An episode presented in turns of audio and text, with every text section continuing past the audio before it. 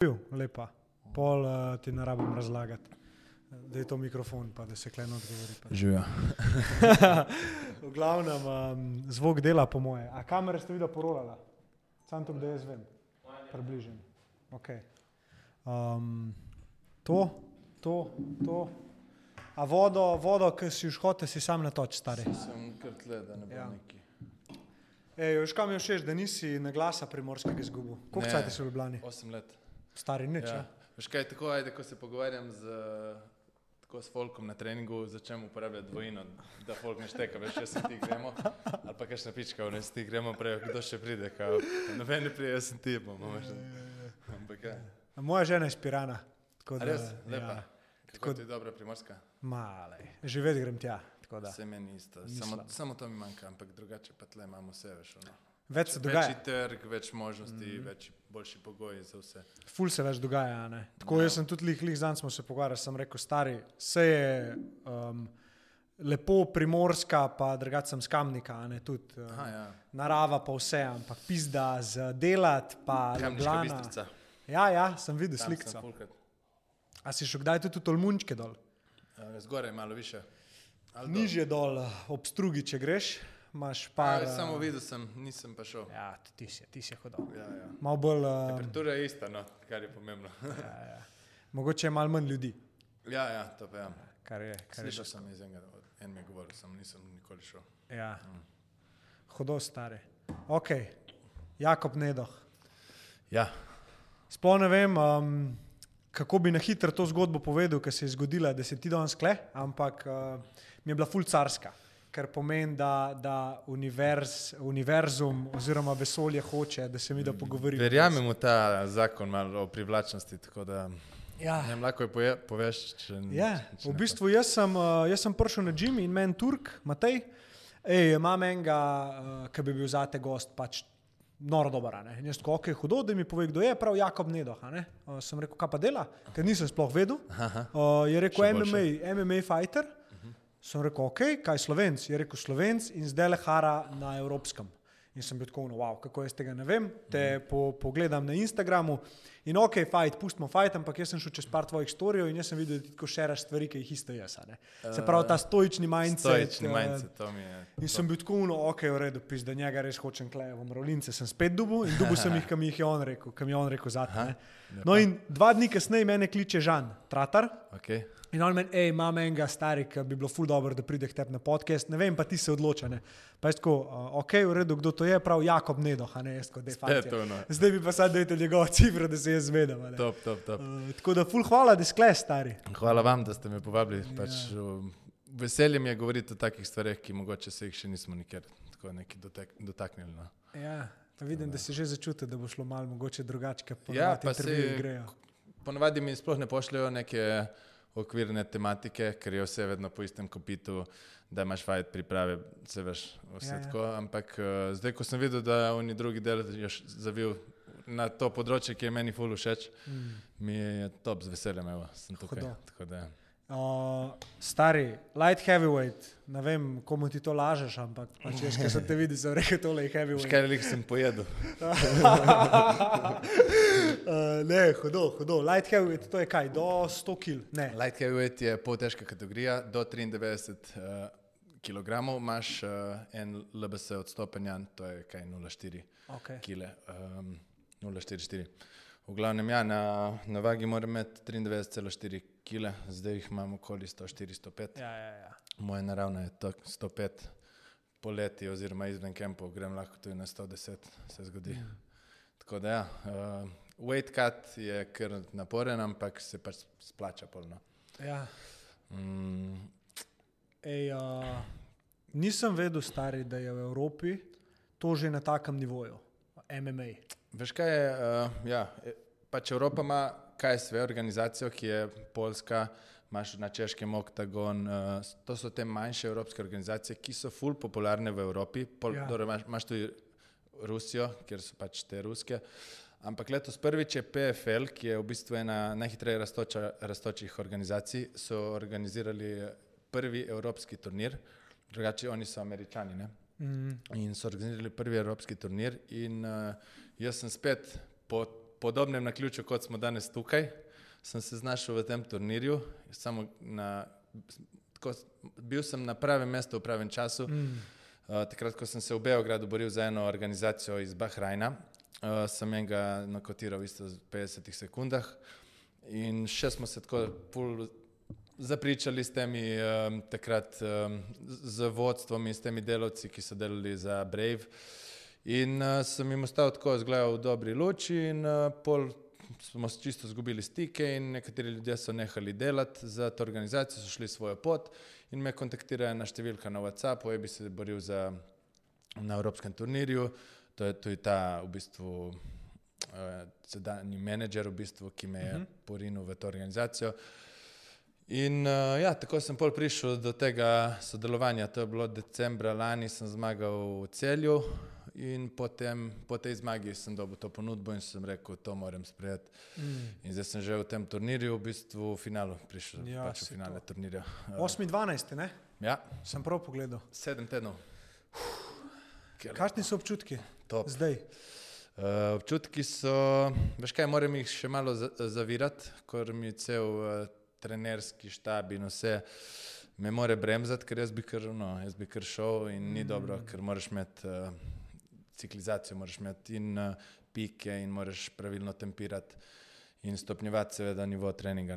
Tudi, tud, če pogovarjamo se tukaj o psihološkem delu, Mm. Imáš tudi na tak način načrtno kaj izgrajen, da v enih trenutkih ti oni pustijo, da več razmišljaš o borbi, v enih trenutkih te pa mogoče od tega malo mikajo. To imam eh, minimalno, mogoče pred, v samem fight weeku se delajo te, uh, se v bistvu upoštevajo na svete trenerjev, ko mi uno, zdaj čisto bolj sproščen ali pa kdaj že počasi se v fight mode preklapljaj. Ja.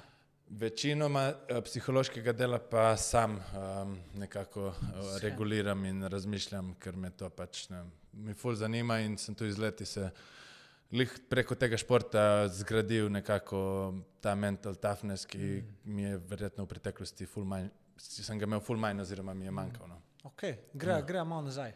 Ja. Koper, ne? Koper, ja. Si odraščal v Kopru, rejeno Kopru? Ja, uh, pač rejno postojanje, ampak od, od vedno sem v Kopru, živeli smo prvo hrib nad Koprom, tam v nas se medela. Medela, se medela Markovec, se veš. Pol sem se v osmem razredu osnovne šole, smo se preselili v Koper, center Kopra. In uh, tam se je tako vse skupaj začelo. Ne? Jaz sem bil rokometaš, uh, pol sem pa začel spoznavati malo kopersko družbo, pol sem bil, uh, sem šel se opisal na splošno gimnazijo v Kopru. In uh, tako nekje v prvem letniku, pri unih letih, kaj je 14-15 let, uh, me rokomet ni več toliko zanimal, plus um, klub je razpadel, Cimo Skoper. Um, pol, pol sem videl nekako, ful sem bil ambiciozen, hot, hotel sem neki več iz sebe narediti, neki uspet nekako, tako da se bo res, da, da bom pustil nek pečat.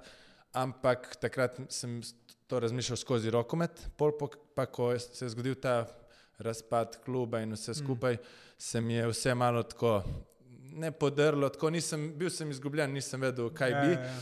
Začel sem pol trenirati, v bistvu vsak dan sem postal obseden ta street workout, uh, mm -hmm. calisthenics. Vsak dan sem bil tam na štangah, v bistvu družba.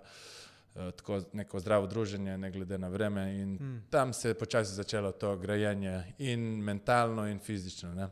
Mm. In pol se je zgodil po enem letu v bistvu ta preobrat, da sem med sezono uh, rokometno šel z Frendom uh, v MMA Koper, v klub na prvi trening. Probat ali? Probat, ja. čisto tako. Nimamo kaj delati poletje, razumeš. Ja, ja. In smo šli tam, je bila ekipa ta malo starejša. Um, trenirali so v bistvu večinoma navijači. Tifozi v Kopru. Ja, ja, ja. Tam so trenirali oni, um, pač navijači. Ni, ni da so samo to delali, ampak preko tega smo se nekako spoznali in pol sem začel spoznavati tudi tašne kroge ljudi in sem se začel v bistvu, v bistvu me je ful potegnilo to, ta šport in uh, pač trening samega športa. Mm. Takrat. Um, A si takoj začutil, uh, si takoj začutil, ker si začel trenirati, da pismo, klesem pa dober? Ne, ah je, uh, lih obratno sem začutil, tle pa mi ne gre. Tle mm. sem, ampak me je gnalo to v bistvu ta uh, radovednost, do, katerega, do katere stopnje lahko mm. sploh prideš. Pač se naučiš to, se ti odpre nekaj novega, se naučiš to, se ti spet novo odpre. Potem sem po enem letu hodil v amaterske borbe, zmagal, zgubil, zmagal, zgubil, pač ajde, veš, sem zgubil. Ampak um, pol sem hotel videti, kje je pač meja, razumeš? In še danes jo nisem ugotovil, kje je, pač nije. Kje, kje si danes v primerjavi, kjer si bil takrat na začetku mentalno? Kaj drugače v tvoji glavi?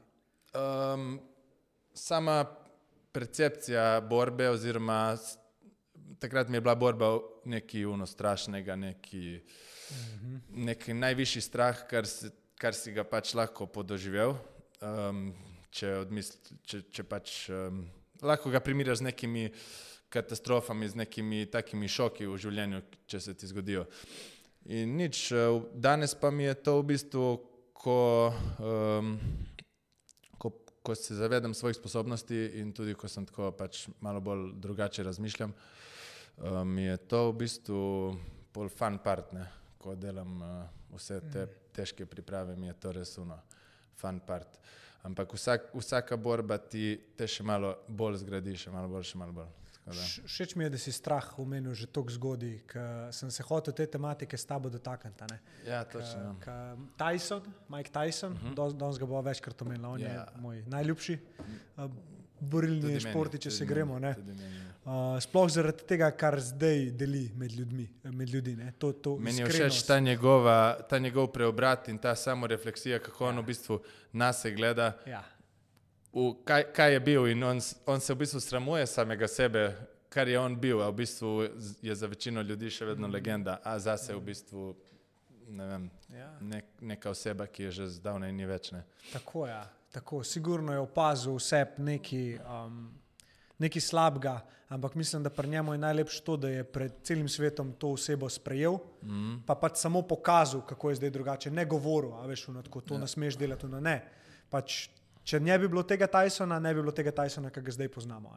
Točno to je. Ja. Ja, hotel sem pa reči, um, kvot njegov iz vidika strahu.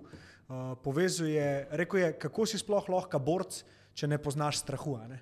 In klej je prva ta miskoncepcija, ki sem jo jaz pol tudi začutil, ker sem se vprašal, stari Izraela Desanja, Johnny Bones Jones, Francis Enganu, ti ljudje, ki stopijo v ring, stari, njih ni strah. Uh, in, sem da jih rekel, in sem si rekel, a je to res. Ja. Uh, in zdaj bi tebe direktno vprašal, kje je strah prisoten pri vas borcih, kako se ta strah pri vas kaže, pa kako ga handlaš. Okay, um, strah začutiš prvič, ko dobiš nasprotnika. Uh, od tune sekunde, ko imaš ti obraz pred sabo, uh, s katerim se boš pač mogel soočiti pač na dan fajta. In takrat je v bistvu se začne um, to, kot si tu že omenil, vizualizacija, uh -huh. je pri meni ne načrtna, ampak čisto že podzavestna, razumeš? Uh -huh. In uh, meni se dosti krat pač zvečer zgodi, uh, pač čim, ali pa ko sem sam, se takoj začne razmišljati uh, in uh, vse situacije, borbe in sam prihod do tam in vse v povezavi s tem nasprotnikom. Ampak to jaz zdaj več ne dojemam kot en strah, ampak kot nekaj pozitivnega, pač, kar, uh, kar mi daje. Počasi te zbuja in te dajo fajn. Ja, točno to, me, me pripravlja nekako psihično na ta dogodek. Mm. Pol pa pravi strah se zgodi, uh, jaz mislim, da, veš kaj, ko prijem tam v določeno mesto, državo, kjer se borim, sem full sproščen, ker imam, uh, ker imam uh, na glavi, oziroma sem fokusiran samo na zbijanje kil. Jaz zadnji par dni zbijam po 7-8 kil. ne. Se pravi, si tako zamoten, da Ja, misli in- ne morejo In mi v poslušati. bistvu paše, da razmišljam o tem, zato da nisem še z glavo v fajtu, ja, ja, se ja. pol ne ma matram. Pol je en dan prej vaga in pol se tam začne počasi uh, face off. Uh, prvič pogledaš nasprotnika tako res v oči.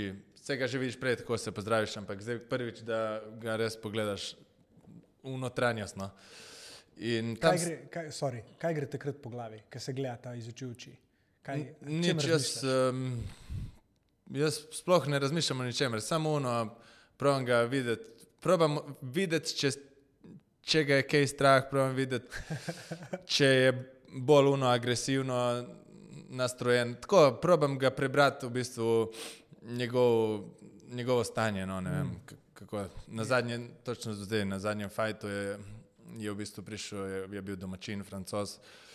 V Parizu je bila borba in um, bili smo v enem takem velikem studiu, live na eni francoski, najbolj znani televiziji. ne Vem, pač bilo je res proper, ki imaš publiko iz tu, iz tu, veš, sedijo. Oh, hudo. Veš, prav studio, ono. pol imaš tri v spredju, ki so voditelji, bil je ta Stefan Struv, bivši UFC fighter, bil je Dan Hardy. Ta, Mm, oh, wow. po, poznaš, Ja, ja, Z Dan, poznam, Dan valjda. Hardy je legenda. Ja, Midva ja. sva se marca spoznala in takrat govori z njim, kot da je tako Adijo. Okay. friend. In v glavnem, um, bili smo in na koncu, pač, vsak par so nas poklicali na oder, in pol še intervju, um, Dan Hardy nas je intervjuval, in zraven so pa še imeli oni prenos francozi. Ne. Mhm. In v glavnem, jaz sem se z njim, uh, s tem nasprotnikom, uh, sem se tam v bistvu face off, stare down in pravi on, uh, big fight, you ready? Jaz se mu nasmejem, I am, are you? Is the question, pravi on. Tako, sem ga bil veš, ono, da ni Ni bil, čez ziher. ni bil lih siguren, sem začutil to, da je bolj govori stvari, sem da jih pove, ne pa zaradi tega, ker se res tako počuti. No. In Oh. takrat sem že ono, malo mi je dalo ono. Uh, Tle se čakam. začne, ne? Ja, tle se začne. Pol pa je zadnji dan, ne? Mm, zadnji dan, fight day. Zjutraj, oziroma probiš se čim bolj naspat. Um, zajtrk, to si še bolj sproščen, pol pa od kosila naprej že nekako se oddajaš v fight, fight mode. V dvorano sem šel, zdaj zadnji fight mi je bilo tako, sem bil kar eh, tako trema, um, s tem, da sem prišel v dvorano ob sedmih, fight pa sem imel komaj ob desetih, enajstih. Mm. Pol pa, ko sem prišel enkrat v dvorano, čisto sproščen, pol pa se mi je zate- začela ona pozitivna trema, da sem že komaj čakal borbo. Mm. Pol so se mi vlekli fajti, ker so vsi šli na decision, torej do konca, brez da so se predčasno zaključili. In um, ja, pol sem že vmes sem tako padel, sem, sem postal že tako utrujen, zaspan, pol sem se pa mogel prisiliti, da se aktiviram dvigneš na nazaj. potrebno stopnjo. No Ja. da prijem not. Tako da strah, uh, strah mora biti. V vseh fajtih do zdaj me je bilo strah. Česa? A ja, um, ni me strah uh, niti poškodb, niti bolečine. To, to te najme strah. Najbolj te je strah uh, razočarati ljudi, Mhm. uh, biti ponižen tam, uh, pač izpast uh, kot en začetnik. Oziroma, točno to bil. Sploh te ni strah občutkov, bolj te je strah tega, kaj si bojo drugi mislili o tebi. No? Ja, Ja, ja, In ja. razočarati pač sponzorje, trenerje, um, ljudi, ki verjamejo v vate. To, Mm. to je bolj. Ja, to je pa ena stoična, ki ti po mojem kar pomaga v takih situacijah. Ne? Da v bistvu pravega človeka oziroma pravega borca uh, ni strah niti umret v ringu. a ne. Ja, Strah ga je, da ne bi dal vsega od sebe, da to, ne, ja. bi, ne bi mogel pokazati svetu, kako dejansko je dober. Točno to. Um, se mi je zgodilo v parametrskih borbah, zato sem vesel, da se mi je. Ko sem vedel, da lahko ful več dam od sebe, pa nisem dal in sem se pol ful, kaj nisem to, kaj nisem to.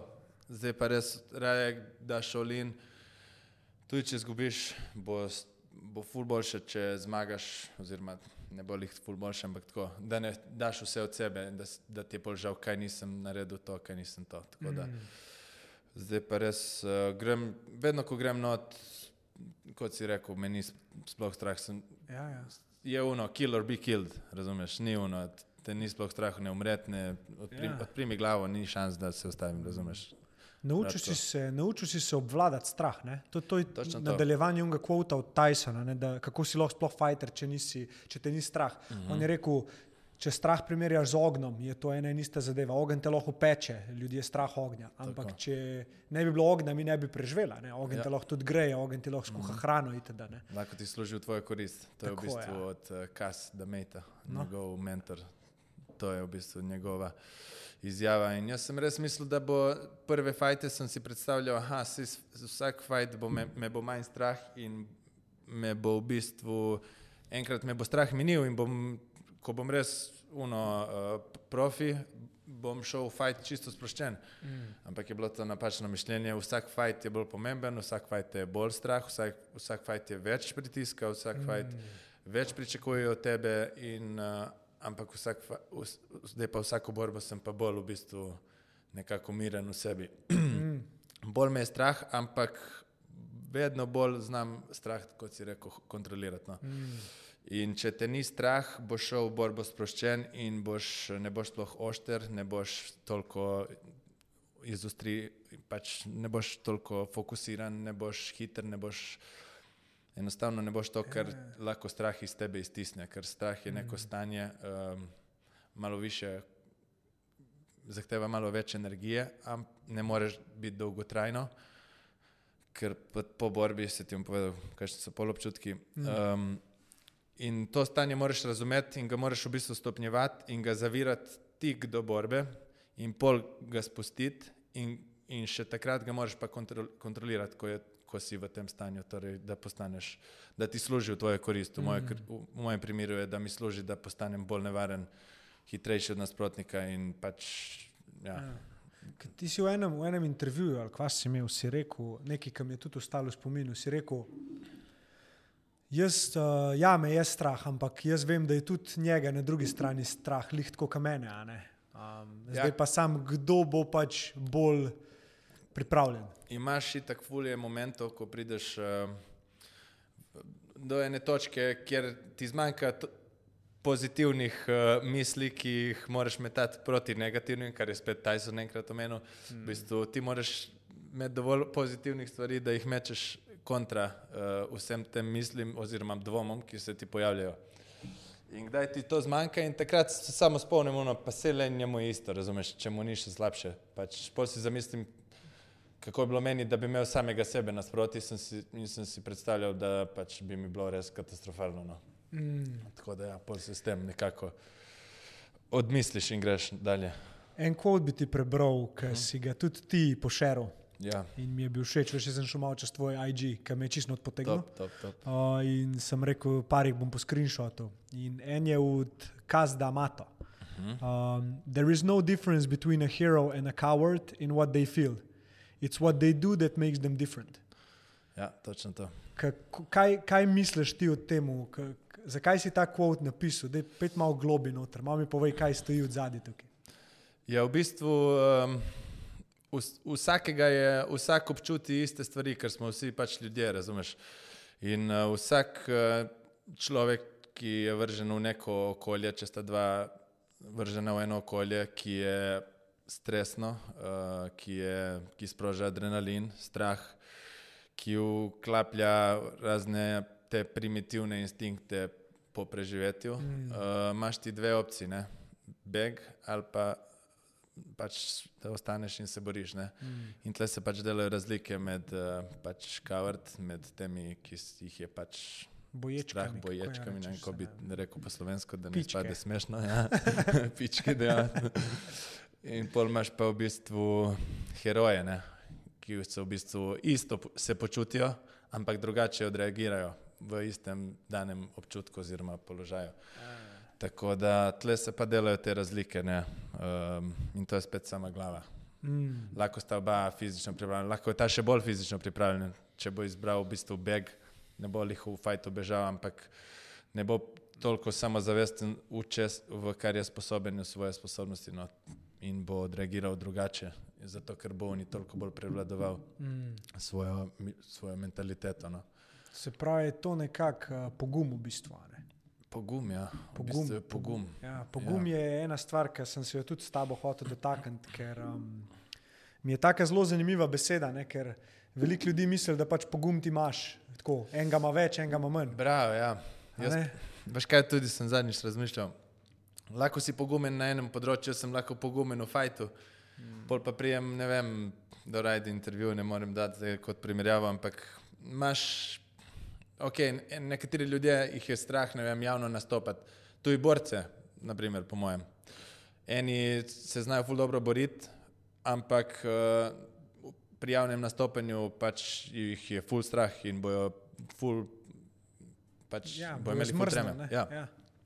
Tako da jaz mislim, da pogum eh, je tudi eh, odvisen od eh, pod, področja. Pač spet izhaja iz tega, če si ti, če ti uh, delaš neko stvar in si v nečemu dober, torej to delaš, uh, pač to ponavljaš in zato si v tem dober. In si v to situacijo postavljen večkrat in dobivaš vsakič več Ja, to, samozavesti to, to, to. in si bolj pogumen.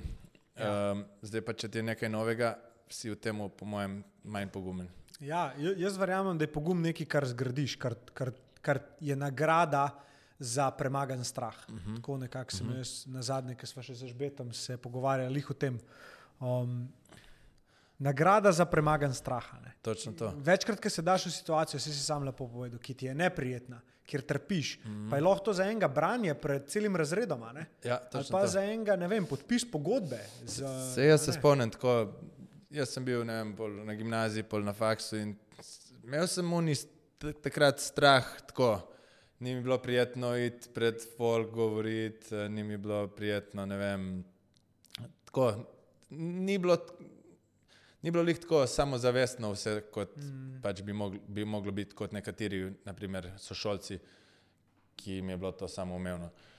Ampak je pa res, da sem pol, ko sem začel se s fajtom ukvarjati in ko sem prve borbe naredil, je pa res, da je to ful vplivalo na ostala področja mojega življenja in mi je v bistvu, ko sem enkrat šel v fajt, mi je tako, ko sem šel na izpit, mi je bilo to, kot da grem scat, razumeš? Ja, ja, ja. pač, uh, to. in uh, to je ful dobro in jaz sem se skozi ta šport in skozi borbo psihično zgradil v bistvu in karakterno, mislim. Zato mi je to tako všeč. No. Ja, ker je eden izmed najbolj napornih športov, če gledava iz vidika treninga. Ne. Ja, Meni je Turk rekel, Matej mi je rekel, če bi rad, jaz sem rekel, kaj, kot kjer športnik ne treniram, da bom pač najbolj tudi za mentalno lahko zbildu. In mi je rekel, MMA, fighter. Jaz Pač vse moraš. Moraš biti močen, moraš imeti kondicijo, moraš biti hiter, moraš biti eksploziven, moraš biti z glavo pri stvari, moraš razmišljati in sem bil tako no. Okay, plus ja. uh, kompleksen šport, to moraš imeti razdeljeno. vem, Ful zmanjka časa za trenirati Ja. ja. vse. To, je, to so že tri pomembni športi v enemu. Ja. Šport, pač uh, borba na nogah je tajski boks, kolena, komovci, kiki, uh, boks. Prehod v borbo na tleh je rokoborba, judo nekako. Pol eh, parter in sama borba na tleh je brazilski jiu-jitsu povezan z udarci v ground and poundu in kontrole. To so že tri tako kompleksni športi, ki jih ljudje trenirajo posamično, mi pa jih moramo ukomponirati pač, eh, točno to, a ne. v en, eno skupno celoto in še povezovati to. Ja. Ker dosti MMA borcev trenira ločeno boks, ločeno to, ločeno to, pol pa ko pride do dela, kjer moraš to povezati, uh, ne pride do te povezave ne? in zato pač lahko so oni dobri, lahko si ti ful dober bokser, pa sem jaz povprečen bokser, pa te bom, ne vem, brez problema rušil. Tako, nekaj In pa je tudi strategija od zadja. Ja. Že sam, če pogledaš, kako je uh, Kabib zdominiral UFC to. sceno. Taktičen del, ful, uh, pač ful je taktike, dobra tehnika tudi. In pa še ta mentalni del, ne, mm. ki se mi zdi še bolj pomemben meni od vsega tega. Mm. Um, kje so ostale pri pogumu? Pri pogumu, ja, mogoče da se malo poigrava z njo, kaj mogoče tebi. Pogum tudi pomeni, pa lepo si pol samo zavest omenil. a ne. Se mi zdi, da gre sta zelo lepo skupaj. In eh, tega sem slišal od, a je bil Goggins ali kdo je bil, ne, ali pa Hormozi, en izmed teh dveh je rekel kvot. In sicer, da samo zavesti ne dobiš tako, da si vsak dan v špegu govoriš, kdo pa kaj si, ampak da imaš goro dokazov, da si točno to, kar govoriš, da si. Ja, točno to. Um, Ja. ja. Jaz mislim, pač največ samozavesti pri sebi dobim iz uh, pač hard worka in iz pozicij, ki, uh, kjer grem čez sebe. Ne. Pač, uh, ali so to sparingi, ali je to uteži pri zadnjih ponovitvah, ko ne gre več, pa stisneš čez, ali je to pri kondiciji, ko se pušaš v limite, ko misliš, da boš padel skupaj, pa in greš čez to in pol greš domov, se spočiješ, priješ drugi dan in narediš to isto, oziroma drugi dan ali pa čez dan narediš to isto in ti je uno kar neki, razumeš? In pol vidiš, da lahko v bistvu greš še in tako, tako delaš lahko z vsemi področji življenja. Ko to odkriješ, mislim, da zgornje meje ni. No. Bravo. In uh, meni všeč tudi ta, uh, ne vem, Konor je enkrat rekel, outwork that doubt. Veš, ono. Ja, ja, ja. Ja. Torej, um, Pre, premagi svoj dvom, obi svoj Ja. dvom. Pač. z, z trdim delom uh, pač premagaj dvo, dvome. Ja. In mislim, da velika količina teh um, pač, uh, fokusa, uložene energije, časa v nekaj ti pač prinese ta ja. samozavest, da ti lahko pol začneš treštokati uh, in nokautirati ali karkoli delati Ja, ja, ja. in se igrati v show biznisu. Če nimaš neke podlage močne za sabo, nekih, um, nekih abilitijev, kot jih je imel pač Konor, naprimer, ne bi on mogel treštokati, ker ne pije vodo na dolgi rok. Ne. Mm. Bo bi prišel en boljši in bi ga pač zložil. Ja, se zato pa je tako trpel, prka bibo. a ne. Mm. Pa pol ta zlom noge, pa vse. Ne. Vse je bilo proti njemu, kar naenkrat. Ja. pač on, on si je želel, on je verjel, ne. Ja. ampak vesolje mu ni dal. Jaz mislim, da enkrat, ko je on osvojil uh, oba pasova, Ja. um, ti priješ do točke, ko osvojiš nek cilj, ki ti je bil najbolj primaren in najvišji cilj. In ko to osvojiš, nisi več toliko hungry, po mojem. Mm. In je najtežje, zato si pač najtežje, ko postaneš čemp, uh, braniti naslove. Ne? No, nekih je pač GSP, um, John, Ja. John Jones, to so ljudje, ki so, jih še- so imeli neki višji smisel, ne samo belt, ampak pač biti res ono, čemp. Pismo. Ja. Ja. Mogoče je prezgodaj, da te to vprašam, ampak um, to, kar si napisal, si po mojem napisal sam. In zelo lepo lahko povežemo na to tematiko, ki smo se zdaj pogovarjali. Ker moje vprašanje je bilo tako, mislim, tako kot si zdaj sam rekel. Vsi najboljši borci so se borili, oziroma se borijo za nekaj večjega od njih. Ne? In uh, ti si zapisal na Instagramu: We came from humble families, old houses, local towns with sad stories. We are hustling not to impress or be in competition with anyone. We just want to change the whole storyline and fight the battles our parents never won. Tam je, Oh, zdaj sem tam sam sebe je, stresel, stari. jo. tam je bila brutalna. ne. Pač, uh, Medtem ko nekdo, pač, nek, medtem ko borci tekmujejo en proti drugemu, je tle v bistvu, jaz sploh, mene ne zanima, kdo je na nasprotni strani, nimam nobenih nekih zamir do njega. To je samo ena figura na moji poti do ciljev, ki jo moram pač odstraniti. Ampak to pa delam zato, ker, eh, zato, ker bi rad eh, nekaj več oziroma pač stopil iz tega nekega ritma, moraš hoditi v šolo, pedi v službo, 8 ur delaj in uh, vikende, ne vem, delaj svoj hobi in tako plačuj položnice in umri, razumeš? To, to mene ne zanima. In um, samo zato, no, pač moji starši so vsakem času so me vzgojili na najboljši možni način, se zavedam. Um, in uh, so iz uh, družin, kjer pač niso do, dosti imeli na začetku, že kar so oni naredili, da so v bistvu uh, doštudirali uh, univerzitetnih pač, uh, izobrazbe in da so se zaposlili oba sta v javnem sektorju, imata za javni sektor pač več kot dobro plačo. Že v bistvu ta njihov prehod iz te, iz te situacije, kjer so oni bili, v to, kar so zdaj, Ja. je za njih pač ful in se, pač je velik premik. No. Jaz Ja. pa hočem iz tega še več narediti, tako zaradi sebe, v bistvu, da, da si dokažem, uh, kaj sem zmožen, pa tudi, da sem nek vzor v bistvu ljudem, da prehodim eno pot, ki jo še ni noben in da v bistvu pol odprem eno, eno v bistvu cesto še za druge, ki bi v tej smeri si želeli iti, v tem primeru uh, pač MMA šport. Ne. Wow. Ja. Wow. A si, a si čutil, kdaj si prvič začutil, da je to dejansko mogoče? V bistvu pred kratkim. Uh, lani pač, veš, da je vmes bila korona, pol še Ja. pol med korono, takrat sem dobro, bil sem tudi, bil sem v vezi, bil sem uh, brez nekih udo, udoben, udobnem okolju, treniral sem, ker mi je pač to uh, del mene in mm -hmm. brez treninga pač jaz ne morem funkcionirati. Ampak nisem pa videl neke svetle prihodnosti v, v svoji karieri uh, borilnih veščin oziroma MMA. In pol sem se uh, v eni slovenski organizaciji Valhalla Fight Night v celju boril, ker sem bil glavna borba in takrat tudi še nis, sem zmagal, ampak nisem imel nobene, nobene uh, ponudbe strani kakšne resne organizacije. In bolje pa prišla ta ponudba od PFL-a. In tudi takrat še nisem tega čutil, da bi lahko res nekaj uh, takega naredil. Ampak se mi je pa zgodil ta klik, ko sem si rekel, da to je življenjska ponudba. Če zdaj ne bom naredil, uh, teh, če zdaj ne vzpostavim nekih temeljnih navad, oziroma spremenim sebe, uh, in ker vem, da imam full rezerv posod, in če se ne spravim resno in ne zagrabim 100% to šanso, pol si ne zaslužim nobene druge. Mm. Tako sem si rekel.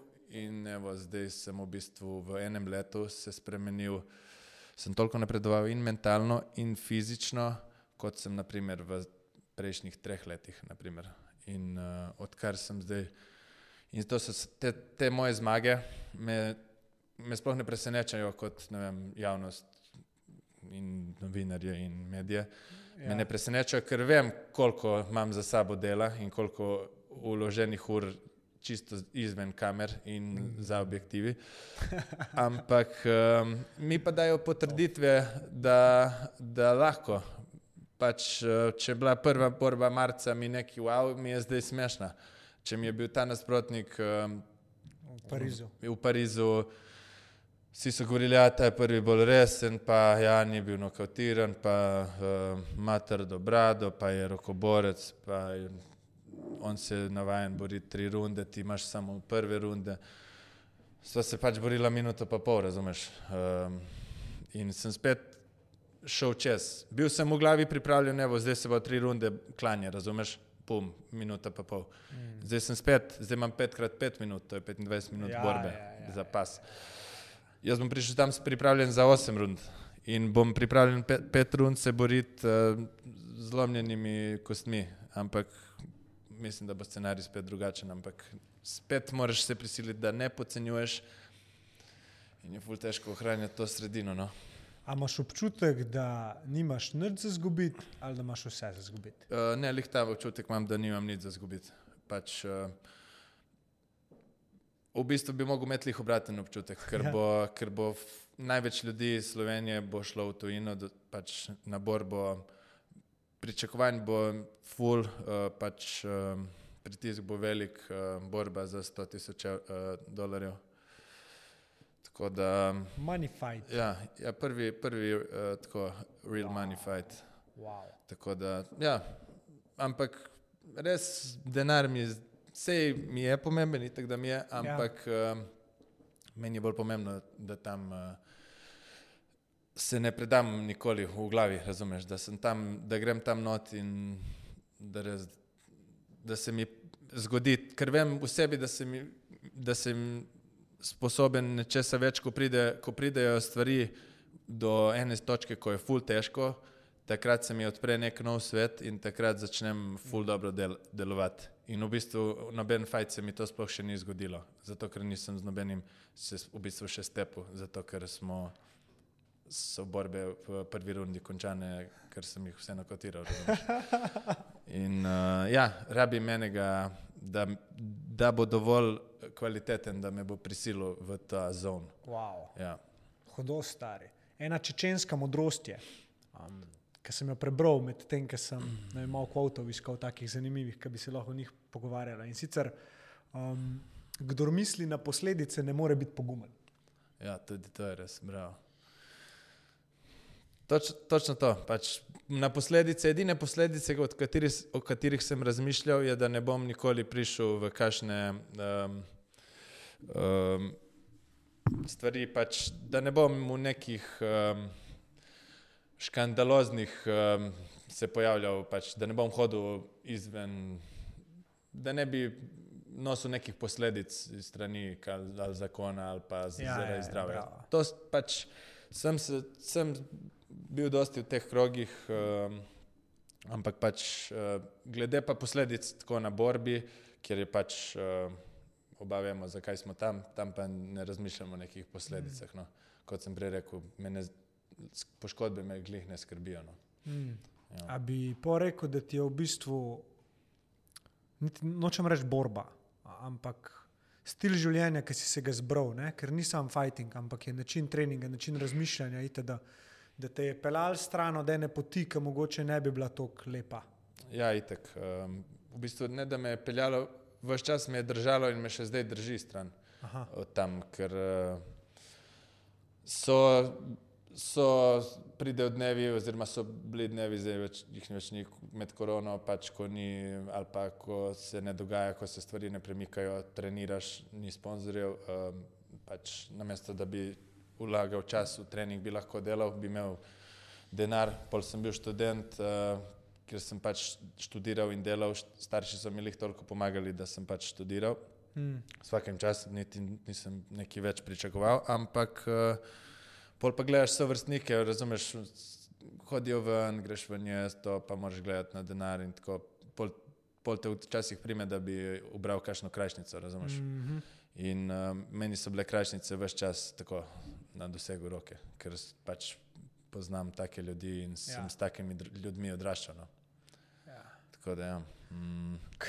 Ampak mi je pa šport uh, vse čas. Uh, vse No. čas sem se pa videl, da mi je to nekak, nek pobeg in neka opcija za do nečesa višjega. In vsi so mi govorili, tudi vsak čas uh, so mi govorili, um, ne, ne rabiti to, ti si športnik, ti si to. Uh, in sem zdaj vesel za to, in ti boš še daleč prišel. Tako, evo. Ja, ja. Ja. Mislim, eh, kar jaz do zdaj čutim, je ena taka skromnost, pa odločenost. Ko mi razlagaš te zgodbe, ko mi razlagaš stvari, se mi zdi, da si kreknu.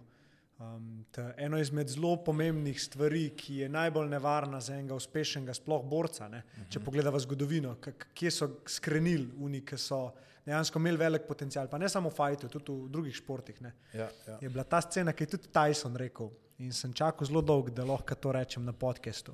Ampak je rekel takole: uh, Listen, listen, when you're favored by God, you're also favored by the devil. Res je, Ne? res je, res je. In kaj s tem hotel povedati, je, da tako, ko navija zate ta sila, ki ti želi najboljš, navija zate tudi ona sila, ki ti daje vse te opcije, zdaj še bolj Ja. pred tebe, pa le zdaj imaš denar, rabiš treningov. itd. Jaz sem si jih to predstavljal tako, ko si v enem povprečju, ti niti višja si, ta, ti niti dob, dobra stran ne ponuja fulenih stvari in niti slaba, ker si pač ti vmes in si daleč od obeh. Više, ko greš, pa imaš obe tako v, v bližini in se, so res uno situacije oziroma, veš kaj je meni ful všeč, če una, ko je rekel nekdo, uh, the man who, kaže, um, Uh, človek, ki nima višjega cilja, se zamoti z, z pleasure. Oziroma z, mm Mhm. Z ugodjem, udobjem. ja, Ja.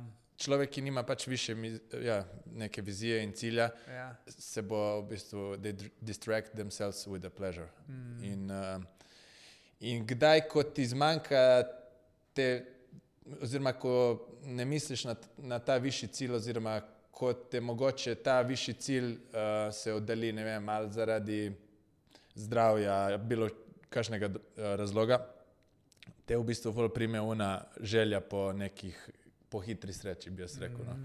In ta hitra sreča, mislim, da je problem za celotno našo družbo Ja. ker vsi uh, iščejo, kako bojo srečni čez noč, uh, noben se ne bi potrudil za srečo in um, zato smo, kjer smo in uh, zato je gre v bistvu tako svet.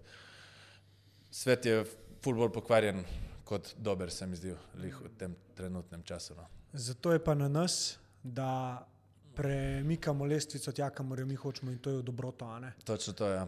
Um, Zato bi te na tej točki mogoče vprašal, ali je kakšna stvar, ki bi jo lahko rekel mladim, starim, komorkoli, um, ki se je nekako pri tebi pokazala kot modrost, kot nekaj, kar bi lahko že zdaj predal naprej, um, pa bi ljudem pomagali mogoče. Ja, jaz bi rekel, da naj iščejo vedno neko poštenost, da naj iščejo stvari, ki jih veselijo. Ne govorim zdaj eh, neke odvisnosti in tašne stvari, ampak naj, eh, naj se vedno v bistvu sledijo, da naj, najdejo neko stvar, ki jih veseli in jim prinaša zadovoljstvo, tudi če jim ta stvar ne bo prinašala na začetku pač, uh, denarja in če ne bojo mogli živeti od tega. Mm. Zato, ker ko ti delaš eno stvar, ki jo imaš rad, um, pol si v bistvu ti na splošno v sebi nekako imaš eno zadovoljstvo. Ne?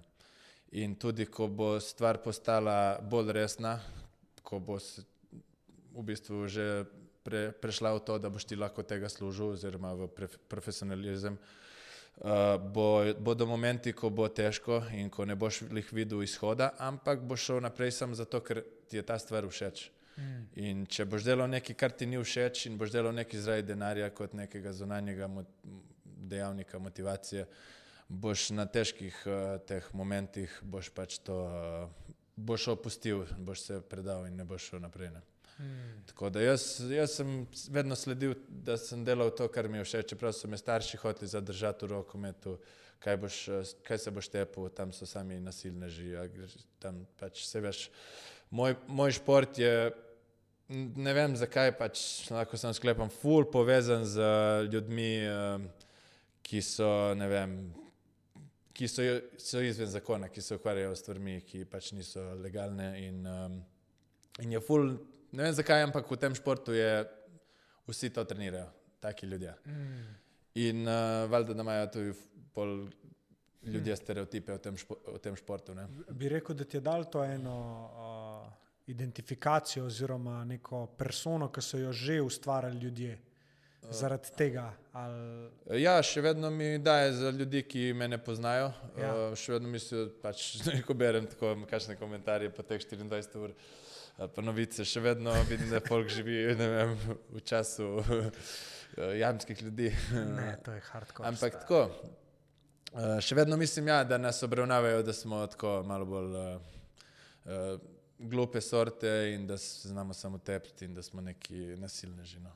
Ampak to meni je tako, ne, pač, ker neki, sploh mi ni pomembno. Grem jim tebe, ja, meni ostalo. Komentarji, niti, niti pohvale, niti uh, hejti me ne zanimajo. Razumeš, mm. ker jaz delam stvari ne zaradi pohvali, ne da bom jaz.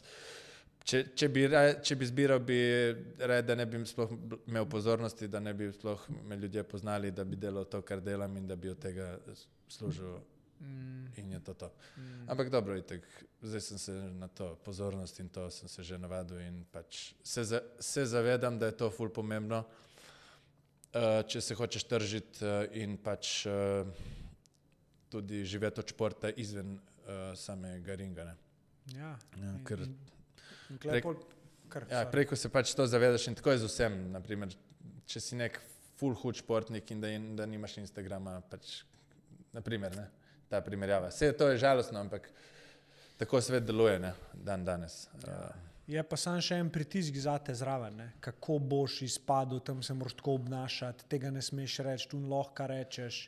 Ampak uh, ni več, ni, ni sploh tega pritiska, veš zakaj? Zato, ker večino časa sem to, kar sem in, in vem, uh, vem, da sploh uh, nimam, nimam zdaj jaz pritiska, da jaz zdaj tu dve ure glumim nekaj drugega, kot ko sem prišel. Jaz sem isti, bom šel ven, kot sem mm -hmm. zdaj tu. In se zavedam, da nisem, uh, da nisem nek uh, debil, da nisem, ne vem, uh, nek, da nisem slab človek. No, Bravo, no, ja, pač se, tako da čisto enostavno. Se, vsak ima svoje napake, ki se jih pač, če se jih zavedaš, si že na pol poti. Tako da se zavedam svojih napak in to poskušam odpraviti, ampak to, kar je dobro, obdržimo oziroma nadgrajujemo. Ja. Tako da, ja, kot si rekel, pritisk ima nekdo, ki laže, oziroma ki, ki ima neko masko na vzvrno. Ja. Ja, oni, ki je to, kar je, nima pritiska. Ne. To je ful dobro, da si to zavestil, ker tudi jaz preseb, ki sem enkrat na enem podkastu, ki sem bil gost, vprašal, kaj je nekaj tako v biznisu, na, na kar si eh, ponosen ali pa kaj ja. ti je najbolj všeč. Ne, sem rekel točno to. Zato, da za razliko od mrskoga, ki sedi v tej sobi, lahko pridem v sobo, pa sem točno to, kar sem tudi izven sobe. Ne, ne rabim zbirati, v katero sobo bom šel, zato da bom nekaj koristi dobil od tega, ampak mi je dovolj to, da pokažem, kakšen sem, vi se pa odločite, me boste sprejeli ali pa ne. Ampak na koncu dneva me boli, stari. In to je to. In ja. če, če me ne boste sprejeli, tu se. Pač, uh, vaš, boste vi trpeli škodo, gremo jaz tam, razumeš? Točno to. Ja. Nekje bom, vem, ja. da pač se zavedaš, kaj si sposoben svojega znanja in veš, kdo si v bistvu. Ja. In greš pač naprej. Ja. Veš, ko je slika, oni, ko je bogati v garaži, cel ono, zaprašen in tako. v bistvu uh, je pomemben uh, kraj, kjer si, uh, ki dolo, da določa tvojo vrednost. V bistvu. Ja, ja, ja. Tvoja vrednost je odvisna od uh, pač, Okolice. okolja. Ja. Nekje boš ful vreden, nekje pa ne boš nič. Ne. Mhm. Tako da, ja. Točno to. Ne? Na koncu dneva pa svojo zgodbo gradiš, zakaj bi se ukvarjal s tem, kva bi drugi radi, da si. Točno to. Ampak veliko ljudi um, se pol najde, ker rataš malo bolj uspešen. Ne vem, si ti to že doživel ali mogoče doživljaš. Da se najdejo kar naenkrat eni ljudje, ki zdaj bi bili pa oni zraven. Pa, Ja, itak. To pa bi. Že doživljam, sem, ampak se zavedam, da to ni niti začetek v bistvu čez tega, kar vse prihaja, zato Ja. ker je to ful uh, uh, povezano pač s temi mojimi cilji, ki jih bom dosegel še v, v prihodnje. Ne? In bo vedno več tega, vedno več bo pozornosti, vedno več ljudi bo vedlo za me oziroma za to, kar delam. In bo vedno več tudi novih prijateljev prihajalo. ja, Ja. tako da se zavedam tega in se tudi veselim v bistvu komunicirati s takimi. Bravo. No. Mislim, um, stvari gledaš kot, kot izziv, ne kot oviro. oziroma Ni, pač res je to, kar si prej rekel. Ne?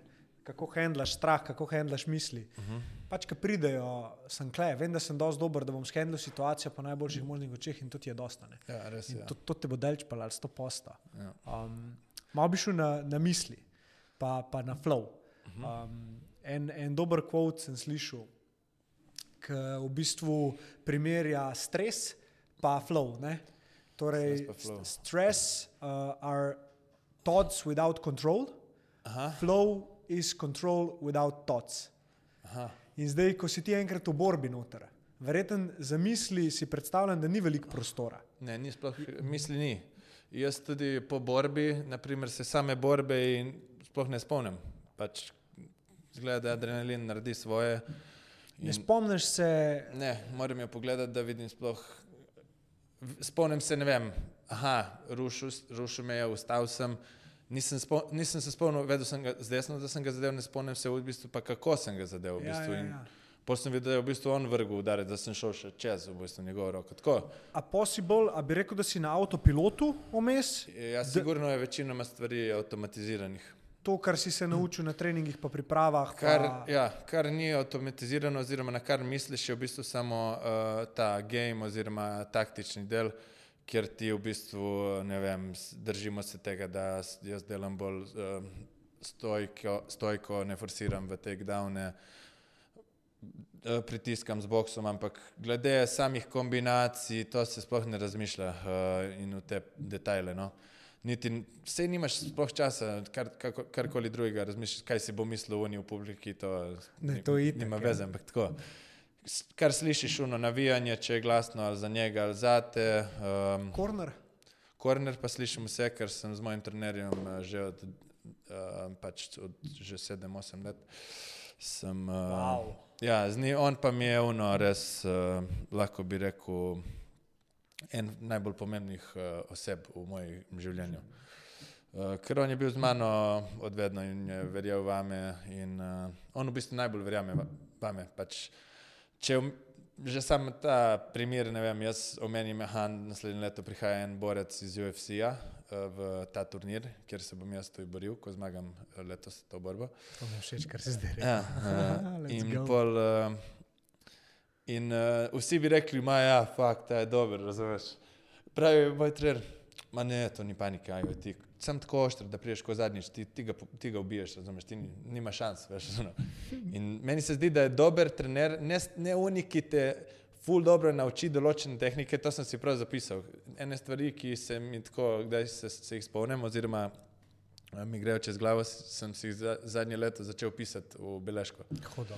In uh, dober trener je unik, ki te v bistvu um, prepriča oziroma te uh, naravna tako, da verjameš v svoje, stop, v svoje sposobnosti do te mere, da si v bistvu samozavesten in jih lahko, pač, da si dovolj samozavesten, da, jih, da toliko verjameš v svoje sposobnosti, da si v bistvu superioren nad pač vsemi.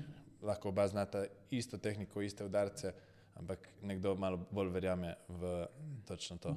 Tako da Hudo. Ja, um, Da mi še kakšnega povej, kaj si si zapisal, ker ti pade tako. jo, veš, da, veš, da nisem si jih toliko pisal samih kvotov, ampak uh, sem, veš, kaj se mi je en dan zgodilo. Jaz sem, pa zdaj sem imel, uh, jaz sem najprej v preteklosti imel iPhone, ne? Uh -huh. Potem sem šel vmes na uh, Androida. ja, Androida Ja, in zdaj sem spet na iPhonu. ja. In ko sem se prijavil na ta Apple ID. Apple ID, sem, so se mi odprle tu in prenesle ene par novcev iz 8-9 let nazaj. O, ja.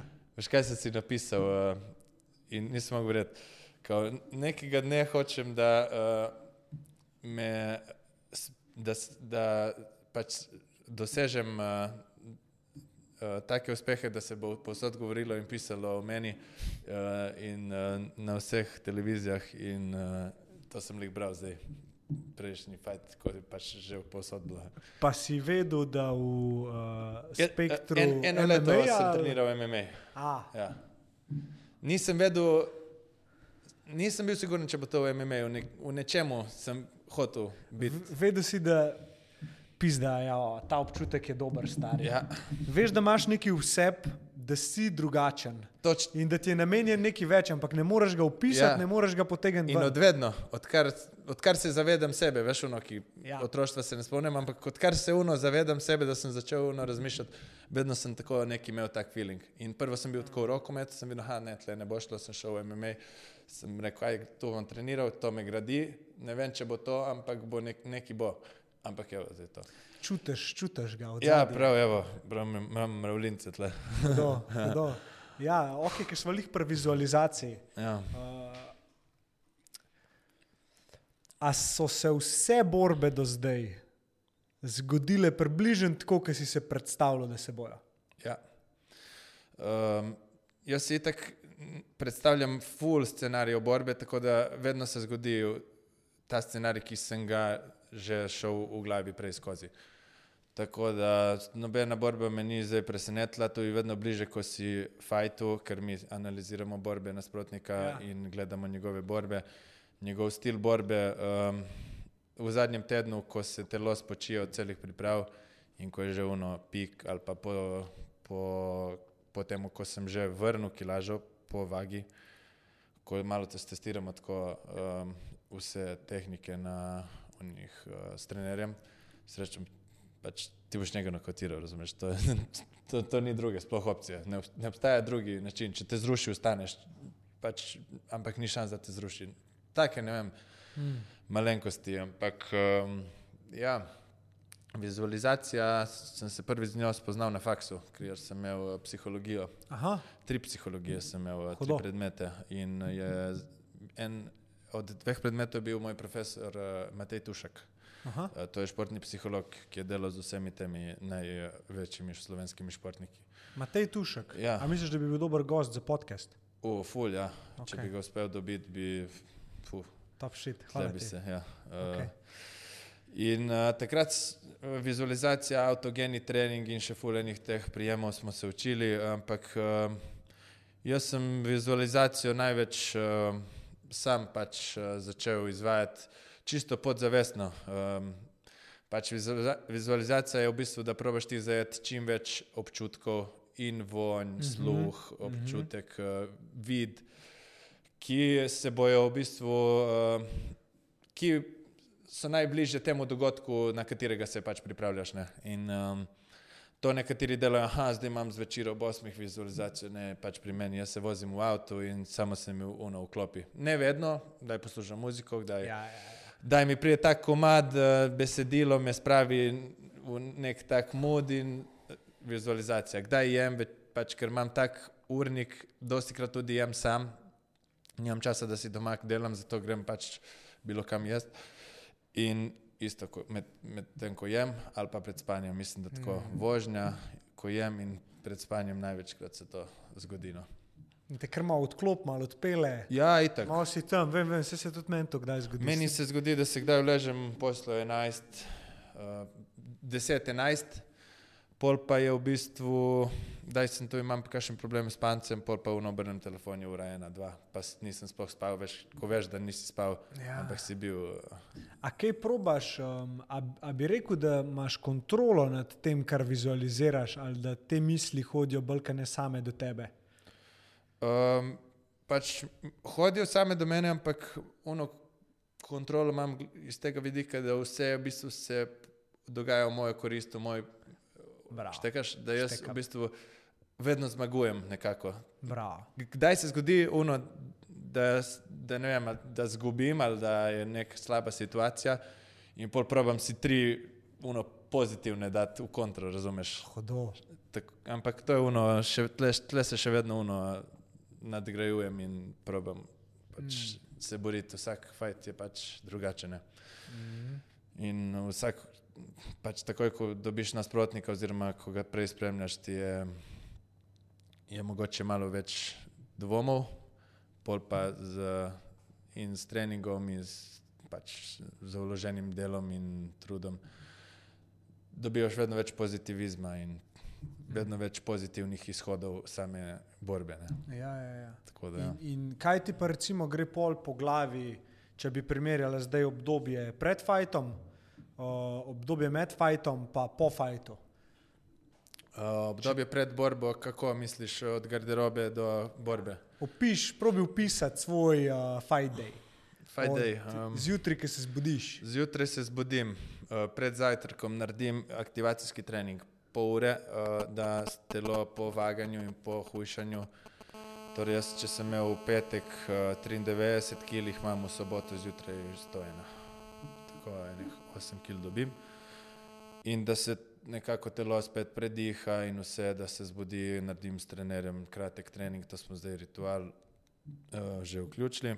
Pol gremo na zajtrk, se uno, ubijem od hrane, da ne morem dihati, pol gremo v sobo, probam iti spat ali pa se dobim. Kle, kle bi te ustavil. Probaš iti spat. Kaj je takrat v tvoji glavi? Ja, sej, točno to. V bistvu ponavadi sploh ne uspem zaspati, ampak samo fajt. Fajt uh, in vse, kar je vezano od, v dvorano, kako pridemo, um, kako se bomo greval. Um, bo, uh, walk in, moj komad, um, stage, um, sama borba, sploh ne borba. Če prej razmišljam tako borbo kot dveh likov, ki se borijo, Ja. zdaj pravim biti na first person, veš, Da ono, pogled čez, čez roke. Ja. In uh, tako je. Kdaj, s- daj pa po- pol pravim, ono, sem utrujen od tega, pa si izklopim, pa pravim igrati igrice, razumeš? A, odklopiš čisto. Igrice, tako zadnje. Ja, Igri sploh ne igram, igram na živce. Ampak ko sem pa tam uh, v unih dnevih, ko se moram izklopiti, pa probam na telefonu, kaj naj. No. Mhm. Tako da pol uh, probam počivati še in uh, po kosilu mm, ja, ta počitek in pol prije še ostal, ostali del ekipe, zato ker jaz pa trener pridemo, prideva štiri, štiri dni prej, štiri dni prej v, v, na lokacijo borbe. Ja, ja, ja. In uh, ja, pol prije še ostala ekipa in pol je tako dobro vzdušje, ker je za Bancija, pridejo vsi ljudje, ki pač malo bliž, ožji krog ekipe, trale tudi Aha. content creator, pa malo tako uh, za stike z vsemi pač drugimi stvarmi. Mm. In uh, je tako kul. Cool. Pol pa, ko se poje zadnji obrok, pol se še malo spočijem, se pripravi torba. Če ob petih se začne event, sem jaz bil ob šestih, sedmih, itak po- pobere prevoz, arena, takrat pa samo muzika. Ne. Mm. Jaz sem Kaj pa- poslušaš? Poslušam rap uh, in te nove Balkan trap komade. Mm. Mm, ampak največ rep. V bistvu, v bistvu pred borbo sploh ne poslušam teh Balkan stvari. Pač poslušam rep, Balkan rep, srpski rep, hrvaški rep, uh, zgodbe in od, tako, ta bolj agresivni stil ali pa zgodbe o uspehu so mi všeč, motivacijske, ta, ta, ta tematika. No. Mm. Tako da, ja. um, ful sem vezan ja, na muziko. Raj poslušam ene stare komade, ki vem točno, v bistvu, ki, ki imajo to dobro tematiko, zato ker zdaj se v tem času ne dela več taka muzika. Pismo, ja, ja, Ja. ta storytelling. Ne? Ja, storytelling komadi, to je, so mi, pff, to mi je zakon. Se načeloma vse, kar si zdaj govoril, je nekako tvoja zgodba, da zdaj nekaj jo, ki jo pišeš. Ja, ja. Um, A, si, a ti je všeč zgodba do zdaj? Do zdaj mi je všeč, ne obžalujem ničesar in um, verjamem, pač hotel sem, da se vse prej zgodi, ampak um, Mm -hmm. Vse se zgodi točno tako, kot se mora. Ker če bi se prej zgodilo, bi mogoče se drugače stvari tudi zdaj že razpletle. Ja, ja. Točno, točno v takem trenutku se je zgodila, kot Ja, ja, se je moglo. Jaz ne vem, pul, pul je tudi vplivalo na me, tako jaz sem imel čisto drugačen mindset vmes, ko sem bil v zvezi, ki ni bila lih eh, zdrava.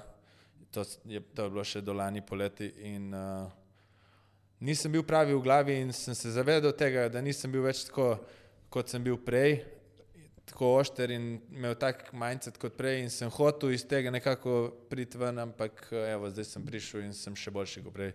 Mhm. In če bi se zgodilo to, ta ponudba v tistem času, mm, se, sploh si ne predstavljam iti z uno glavo v fajt, ker Bravo. bi me zgazili, Bravo. se mi zdi. No.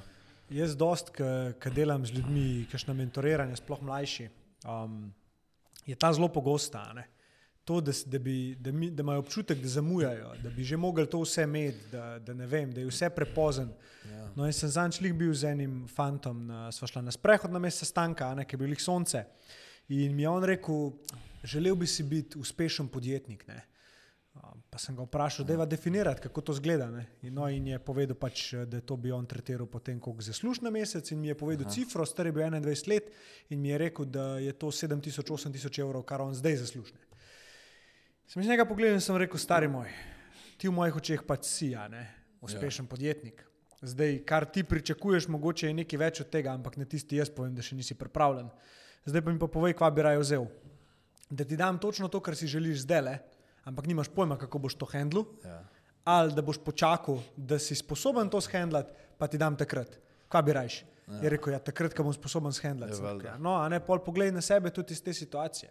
Točno Pač, veš, lahko je rekel. ista stvar, je lahko, je lahko največji dar zate ali pa največje prekletstvo. Ja. Če jo ti nisi sposoben to. Mi je ful všeč, kako si to zavedanje zdaj le dal naprej, da dejansko Jaz- se zavedaš tega. Ja, pa stvari pridejo v tvoje življenje to, točno takrat, ko si pač pripravljen na njih. Ja. Oziroma ne pridejo, ker pač nikoli nisi.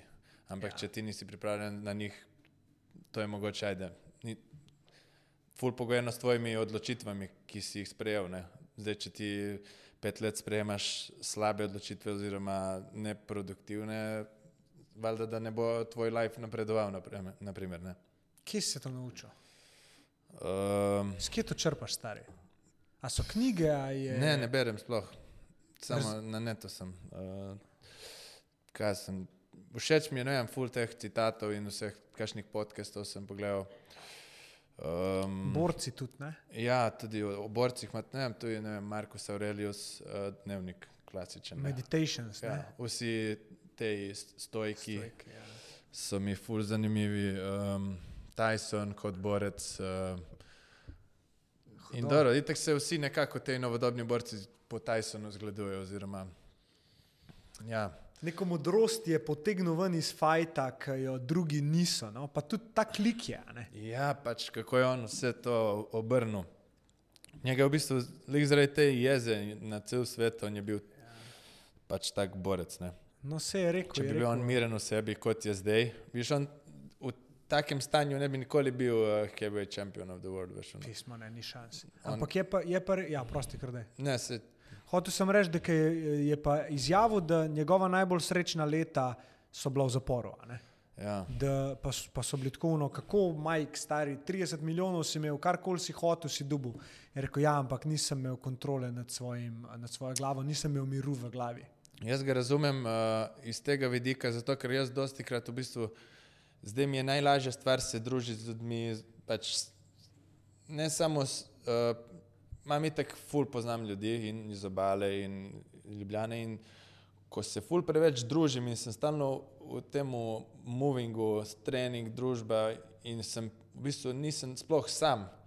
Takrat se pravuno mi glava nasiči in v bistvu sploh nisem več srečen v sebi, zato ker sproti ne predelujem enih stvari, ki jih imam za predelati, pa niso nič zdaj neki takšnega, ampak se mi kopičijo, razumeš?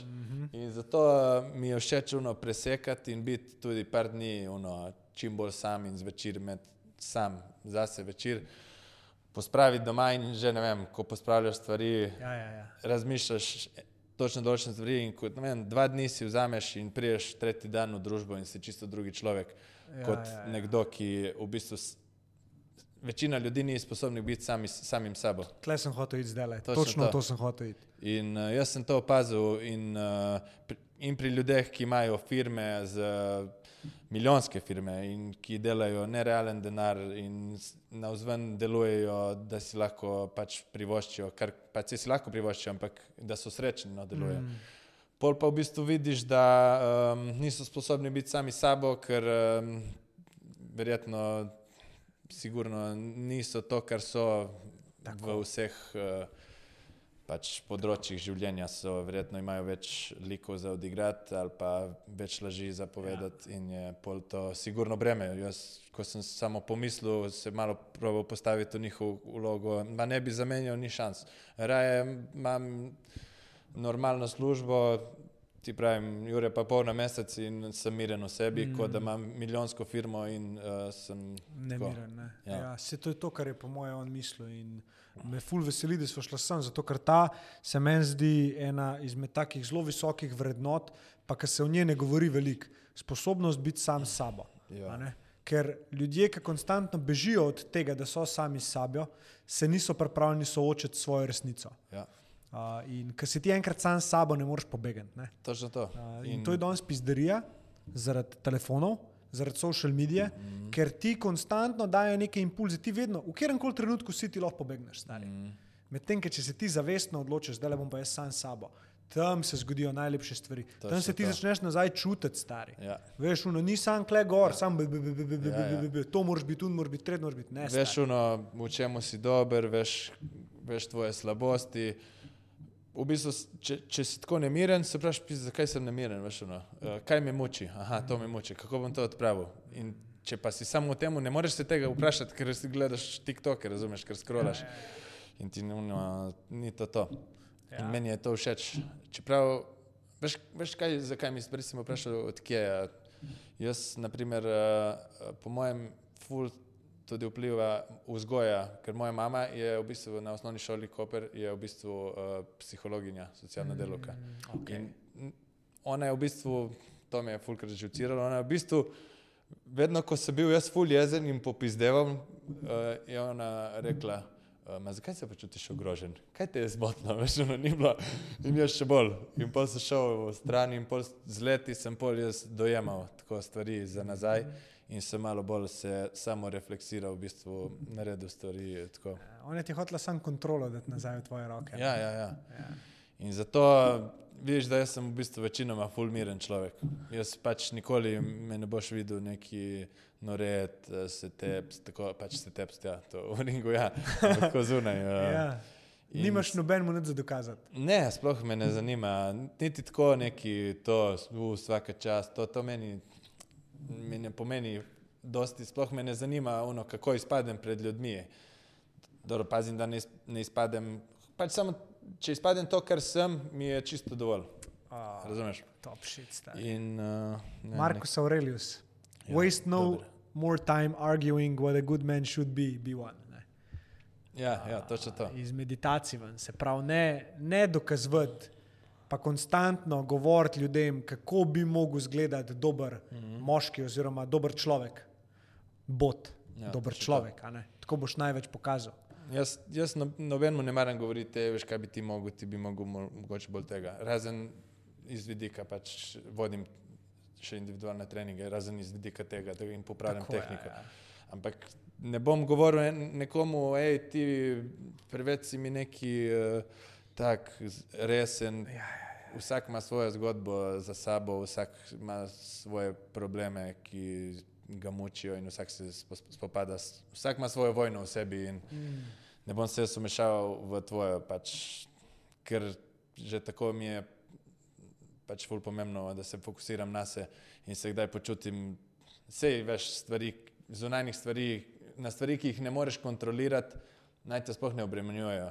Pač, jaz imam kontrolo Tako. lahko samo nad sabo, nad svojimi In na tvoj- mislimi. In na svojo reakcijo. Ja, na in stvari. na to, kako se bom odzval na neki. Tako da zdaj, če, Ja. če bom zgubljal čas z nekimi unov, a kaj se zdaj dogaja po svetu, vse, vse je frka, lej, zdaj je vojna, ampak kaj čem jaz narediti za, na tej vojni? Ne, ne, da pošljem jaz dva SMS-a na 1919, vse pošljem tako, da se dobro počutim, ampak s tem ne bom nič spremenil, razumeš? Ja, ja, ja. In ja, ne bo me zdaj, zdaj to vplivalo, ful name. Ja, ampak sploh uh, iz tega vidika, če gledaš, da tudi ti moraš konstantno skrbeti za svoj optimum. Ja. In ti si, po mojem, v tem procesu tudi čist na podlagi test and learna ugotovil, kaj ti služi, pa kaj ti ne sluša. Ne? Ja. In si bil dosti iskren do sebe, da si rekel, ok, lej, mogoče v tem uživam, ampak mi ne služi. Mm. Ne? Tako da bom dal jaz raje to stran, pa se bom držal treninga. Se ne, to je. veš, Pač, In, in se počutim, da, sem, da imam še ful, ful za narediti, da sem komaj na začetku. Ampak se pa zavedam te prednosti, pač ki v bistvu prednosti. eh, Ni to neka prednost, ampak velika večina ljudi tega ni sposobnih oziroma nima, da lahko pač sam s svojimi mislimi, vem, mm. se soočiš, no, tako, da lahko napreduješ, no, da, da napredujejo tvoje misli oziroma tvoja nek, nekako zrelost je v bistvu, se mi zdi to že. Ja, ja, definitivno. In, Ja. in kle se jo čuti, kar je uh, tako. Um, tako kot bi naj Dias rekel, no, I'm not surprised, motherfucker. Ja. Pa zdaj mi je jasen, zakaj, zakaj uh, in sem full vesel, da sem na ta način to odkril. Zakaj ja. haraš? Ker ni uno, Ja, talent, ne, nerealen talent. Ja, je tudi talent, ampak stari ta mindset, to, da ti vidiš stvari, da, da čutiš. Jaz, ki s tabo tukaj sedim, čutim prezenco, štekaš. Ja, ja, uno, enako. čutiš nekaj. Hvala. pač prav uno užitek se je pogovarjati, razumeš, z nekom, ki se spoznaje, zato ker dosti krat naletiš uno na uno smile, small minded, uno small talk, to mene, ne ko mi gre, prav mi gre na živce. Ne ko bi ti rekel, razumeš, oziroma ne morem se sploh več družiti z ljudmi, tako, ki se ne pogovarjamo o nekih eh, malo Globih tem. globih tem. Ali pa se družim samo, ko si rečem, ha, zdaj pa mora malo uno, um, Ja. se sprostiti, veš. Uno. In, in prav je, da taki ljudje um, tudi več govorimo o teh zadevah na kakršen koli način, veš, brez nekih identifikacij. Jaz sem to, podjetnik, unogor, ti si borec. Ja, ja, Ne, fuck it, stari. Mi smo dva človeka, ki se zdaj tukaj pogovarjava o lifeu. res, res. Kako sem jaz doživel life, kako si ga ti doživel.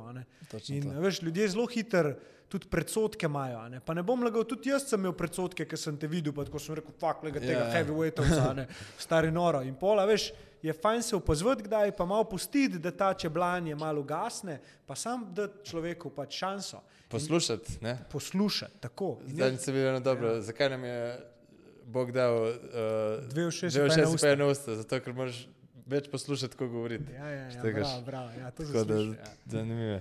Ja. Ampak Ne, ja. tudi, tudi v svoji družbi, pa z ljudmi, ki pač jih že zdaj vodiš, oziroma jih boš tudi v prihodnosti vodil, je čudovito, da se v to smer kolektivna zavest zbuja. Ja, če že mi je všeč ta vplivnost in Tako, evo. tebi, jaz, tašne ljudi bi jaz pomenoval vplivneži, Tako. ne pa une, ki mi se snemajo zjutraj, ko stane.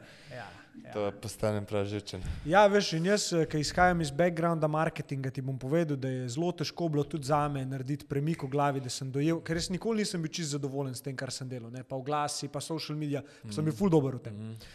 Nekaj mi ni bilo čisto, kot mora biti. In pol šele, ker sem začel dojemati, da je marketing v bistvu naj, marketing, ki ga jaz želim delati, storytelling, da mi ljudje povejo zgodbo mm. in da, da pač povejo, ne, jaz bi rad pač tako spremembo na svetu delal in da jim kle lahko pomagam. Pač, To, come on, to je ful dobro, vse sem Ja. pogledal tvoj. Nisem sploh vedel, da se kaj takega obstaja in bolano. Ful mi je bilo všeč za to. Evo. Thanks. Je vzajemno, oboje stransko. Prav, se, Respekt, se stari. čuti, veš, ono. Ja, ker, ja. Eni te povabijo na podcast, zato da bi podcast dobil večjo gledanost, eni um, ali pa da bi jaz bil zdaj bolj znan, da prijem na nek tvoj podcast, ki je že vzpostavljen, naprimer, razumeš? In je, se čuti, če je tako. V tem primeru ni ne ena stran, ne druga stran taka, tako da mi je ful všečno. Hudo, Ja. lepo, hvala, da si to Ja. povedal. ful cenim. Ja, hvala tebi. no. Ker je tudi tle od zadaj, veš, ogromno enega sacrificea, oziroma iti po eni poti, mm. ki je sam tvoja. Točno to, ja. In Na začetku ta pot zgleda mogoče malo, uh, kva če bi šli drugače, ne? ampak ja. sem Ja. tudi ful vesel za ekipo, veš, da imam take ljudi okoli sebe, to so svobodni misleci, to so mladi ljudje, Hvala ki si Bogu. upajo razmišljati po svoje in ki mene porinejo v ta pravo smer, ki je treba.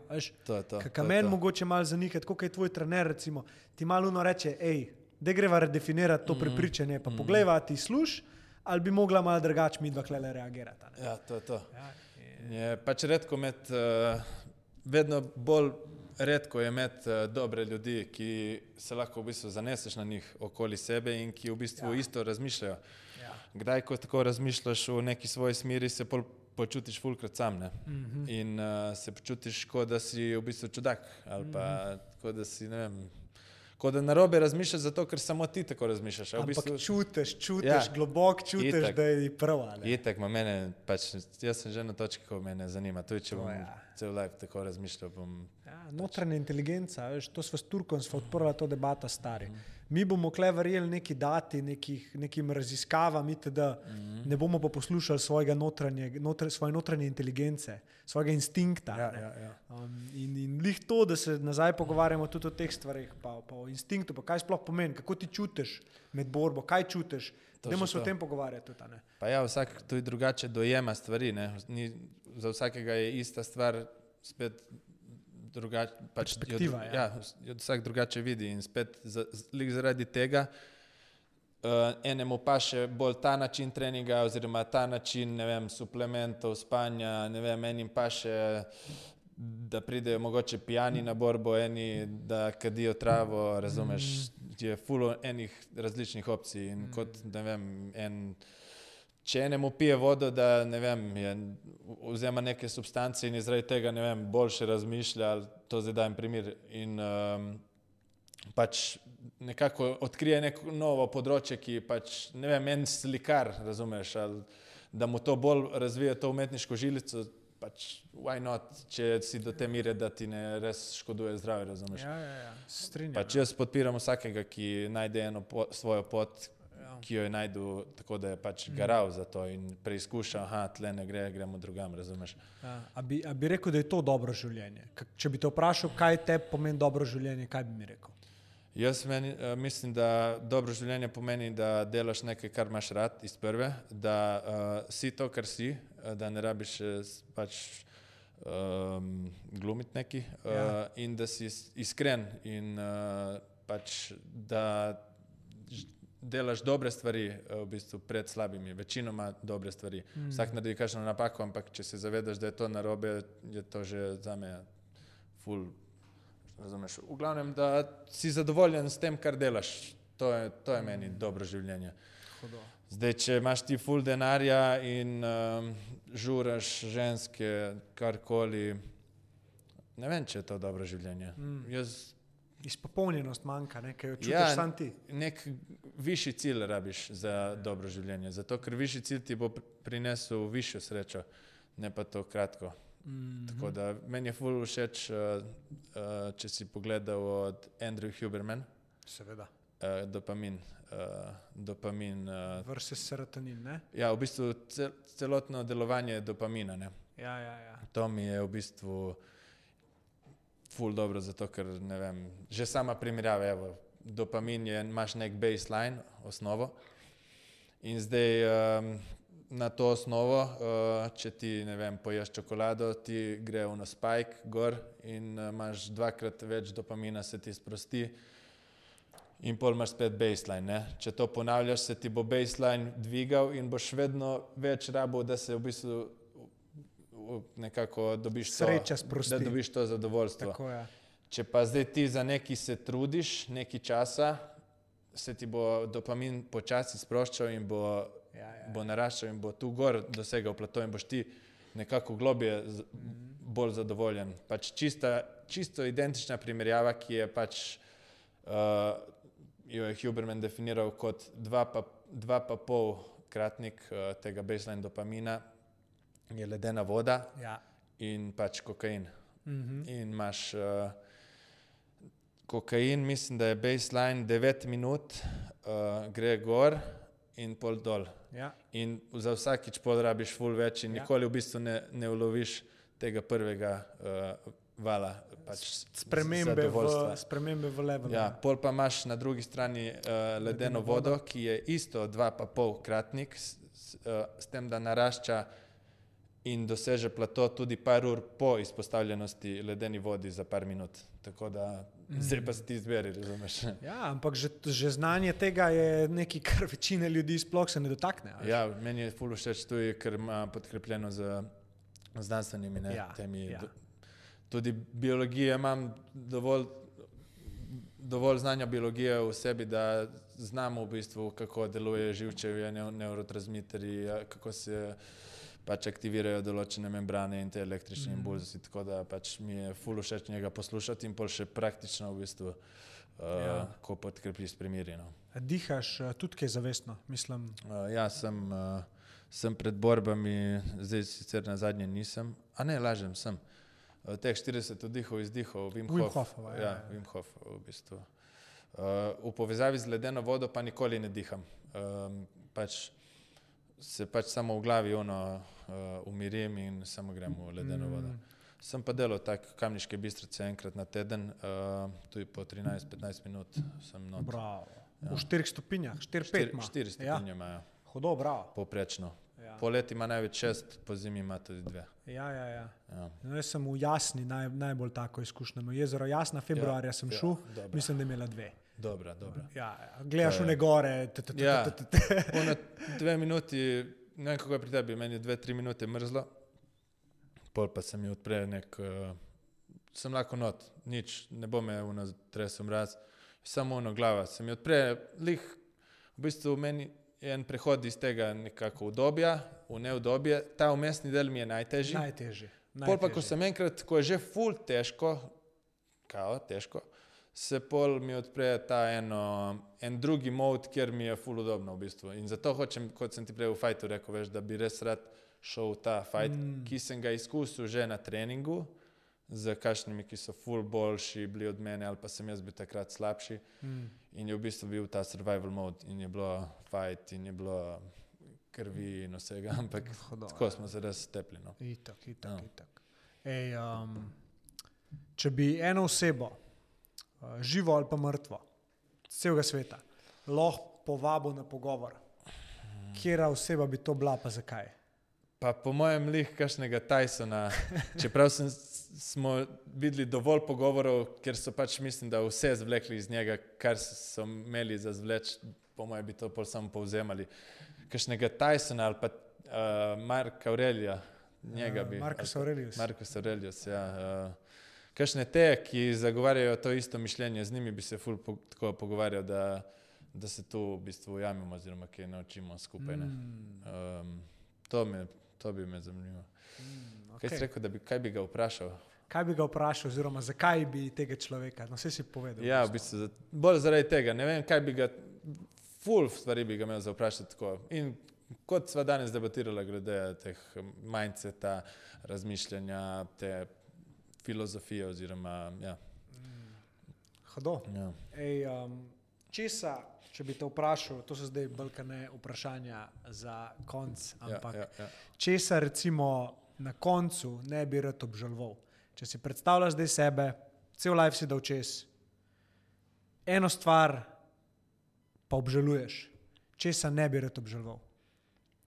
Um, pa tako, da sem res probal uh, izkoristiti vse svoje potencijale, kjer sem čutil, da imam rezervo, pa nisem v bistvu nikoli naredil tega premika, razumeš, da bi uh, še to izkoristil do konca. Tako da um, zaenkrat ne vidim sploh nekih uh, mej v bistvu, da bi se nekje ustavljal. No. Mm. Um, tu nisem tak uh, tip uh, osebe, da bi se nekje ustalil kot pač v neki službi. Jaz sem, jaz sem v bistvu že na koncu DIF-a, pa ga še nisem končal. Jaz sem, sem še magistrsko moral napisati na DIF-u, smer, smer športna vzgoja, ampak ko sem jaz prišel do tega, da bi bil nek profesor športne v eni šoli, se bi lahko imel še popoldanski SP, pa bi imel čisto dovolj na mesec uh, finančno, ampak uh, tam si in uh, to je to. Javni sektor, šola in dobivaš nove in nove generacije otrok oziroma ja, ja, ja. Učencev. In, Sej eh, vsaka jim čast. Je vsaka jim čas. Ja. Pač štiri leta neki lahko gradiš, če hočeš, pol Ja. pa po štirih letih nova. Točno to. Razumeš? In jaz se tu, ne, to je kot neko to Sizifovo delo, kot da priješ gor in nazaj dol in gor in dol. In tu ne vidim pač tega prostora za napredek in to ni za me. Točno to je. Ja. Zate. In v bistvu ja, tega obžalujem, da ne bi pač, da ne bi probal vsega, kar sem hotel probati in da ne bi dosegel vsega, kar sem hotel doseči. Evo tako. Okay. Ja. Eno stvar na svetu lahko spremeniš. Kaj bi spremenil? Mm, Ali pa- je to nek mindset ozorca ali je to karkoli? Pa raje, da bi bil po celem svetu tako mir, da bi, da bi, bilo, da bi bili vsi ljudje pozitivni in da, da pač se ne bi dogajale te stvari in, in glede pač itak pobijanja ljudi in uh, pač kriminala na Ja, ja, splošno. ja. To bi spremenil. evo. Ja. To je bilo kar lepo. Ja. Ja, pač spet eni si bojo mislili, da sem to rekel, ker je zdaj to aktualno, ampak Ne, ne, pač tako čutim. mi je. Jaz čutim. To Kaj bi res uh, spremenil, če bi lahko, ampak Ja. nas je preveč na svetu, oziroma preveč, ni nas preveč, samo kaj. sem. Mislim, ful mi je všeč ena stvar, ki si jo danes ti tako lepo pokazal, stari. Da je lahko najbolj brutalen bojevnik v kletki, istočasno najbolj skromen, pristen človek, ki Mhm. si želi samo dobrega na tem svetu, pa pusti sam svojo zgodbo, da jo bojo ljudje razumeli, pa da bo mogoče kdo šel po isti poti. Točno to je. Ja. To me ful veseli, Da stari. se me zapolnijo v bistvu v eni dobri luči. In ne, za me je pač športnik oziroma profesionalec nekdo, ki je znotraj kletke in zunaj kletke pač vzor um, bilo komu. Jaz pač, če vedno pomislim, da bi nekaj slabega oziroma da bi bil neki, v neki slabi situaciji, bi v bistvu pomislil, kako bi v bistvu starši oziroma mlajši, eh, mlajše generacije gledale na me. No. Mm. Tako da pol Probam biti čim boljša verzija na vzven za pač eh, ljudi. No. Ja, ja, ja. In je lepo, da je ta verzija, ki je na vzven, ti všeč, je tudi noter taka. Ja, pač eh, kot sem rekel, probam biti to, kar sem in še, če že od znotraj popravljati napake in da se pol na vzven Bravo. že popravljene kažejo v bistvu. Ne. Mm, kot en lep pozor. Ja. Ja. Zadnje vprašanje. Če bi jutri umrl, kaj bi sporočil svetu? Um, nič, kaj imejte se radi, delajte, kar vam je všeč, uh, bodite iskreni uh, in uh, noben, no, nič ni tako, kot zgleda, da je nič ni nerešljivo, vse se da rešiti. Uh, tako da noben, uh, ni potrebe potem, da ne vem, ali se sovražite ali pa ne vem, si v- v- celo vzemaš življenje za to pač. To bi. Tako da ja. Jakob, Nedo, vsake čast, hvala, res sem vesel, da smo se spoznali takole. Hvala enako. Uh, V bistvu. eden izmed boljših pogovorov, ki sem jih imel stari. Uh, moj je v bistvu najboljši, daleč najboljši podcast. Uh, tako, všeč mi je, vse sem vedel, da bo tako, sem že čutil, ampak uh, največ v bistvu sem lahko dal javnosti, da me v bistvu spoznajo pri, pa tako pristno, kot sem, pač tudi izven fajta. No. Tako da sem vesel le za to, upam, da bo folku všeč in Stari. jaz mislim, da lahko še kdaj pohlepetamo. No. Sto postolej, izven podcasta, na podcast, zdaj ste mi tako še povabil. Ja, jaz, 8.12. se tepeš, jaz bom pa še prišel. po borbi, po borbi bo naredila. Zmenjeno. ampak ja, uh, vsak čas stari. Mislim, res. Imamo, pokatamo. a? Ali snimali do konca? To je to. stari. Vsake čast. A, ne, resno, resno. Res me veseli. Bravo. Dec, prav, stari. Take rabimo. v tem Prav za. Švico vmeš, veš? A res? Ma hitev sem, na začetku sem bil prav, mi je bilo, um, ker sem hitev sem. Jaz sem ene parkrat take mravljince dubo, stari, ki si mi razlagal. Zato, ker sem jih sam tako, sam uno sem bil tako, pač. A lahko model Ja. take stvari govori, ki Ampak sem, uh, to mi je všeč, res. Kako hvala enako, na ampak stvari? mi je ful, ful dobro zato, ker smo, ker moraš, mora biti uh, sogovornik tudi pravi, da lahko sploh to nekomu poveš, da malo šteka, razumeš? Ti tuj v pravih momentih si tuj, takoj se je videlo, da sem, si, sem videl, da štekaš in si pr prav vprašal, no, štekaš, ki ti pol, ne bi, ne bi sam povedal tega, če me ne bi vprašal, ker te ono me spomniš, razumeš, ne morem, je pač široka tema in moraš Ja, ja, ja. malo se ono usmiriti. ja. Tako da, ful dobro, res sem vesel. Jaz Ej. mislim, da bo ful folk všeč. Ma to bo noro, stari. Res mislim, že meni je bilo, le, se meni v bistvu, veš, koliko je te poseben, no, karkoli. Jaz vem, da sem in jaz dal zdaj le vse od sebe in ti pač Jaz tako, tudi, no, ja. Štekaš blasva to, kar sva in pač meni je dosto vseeno, bo folku všeč, a ne bo, ker vem, da jim bo, pač, ker ni druge. Da pravim bo. Jaz vem, da bojo hoteli razmišljati kot ko mi. Ja. In upam, da jih več razmišlja tako. Upam, ja. Veš, sej, ki jim enkrat to pokažeš, pa začneš malo odkrivati, pa tako reče, ok, v redu. Če te modeli, ki so mi pizda, tako kralji, karkoli, razmišljajo na ta način, jebemo mater, lahko bi še jaz, ne. Točno Ne to, vem, ja. a veš. Zakaj Ja, bom ja. jaz poslušal zdaj enega tam unga direktorčka, ki mi je čisto vse en, kva govori. Pač Pač to je life. Jaz verjamem, da tako, ne glede na področje, kje si ti uspešen,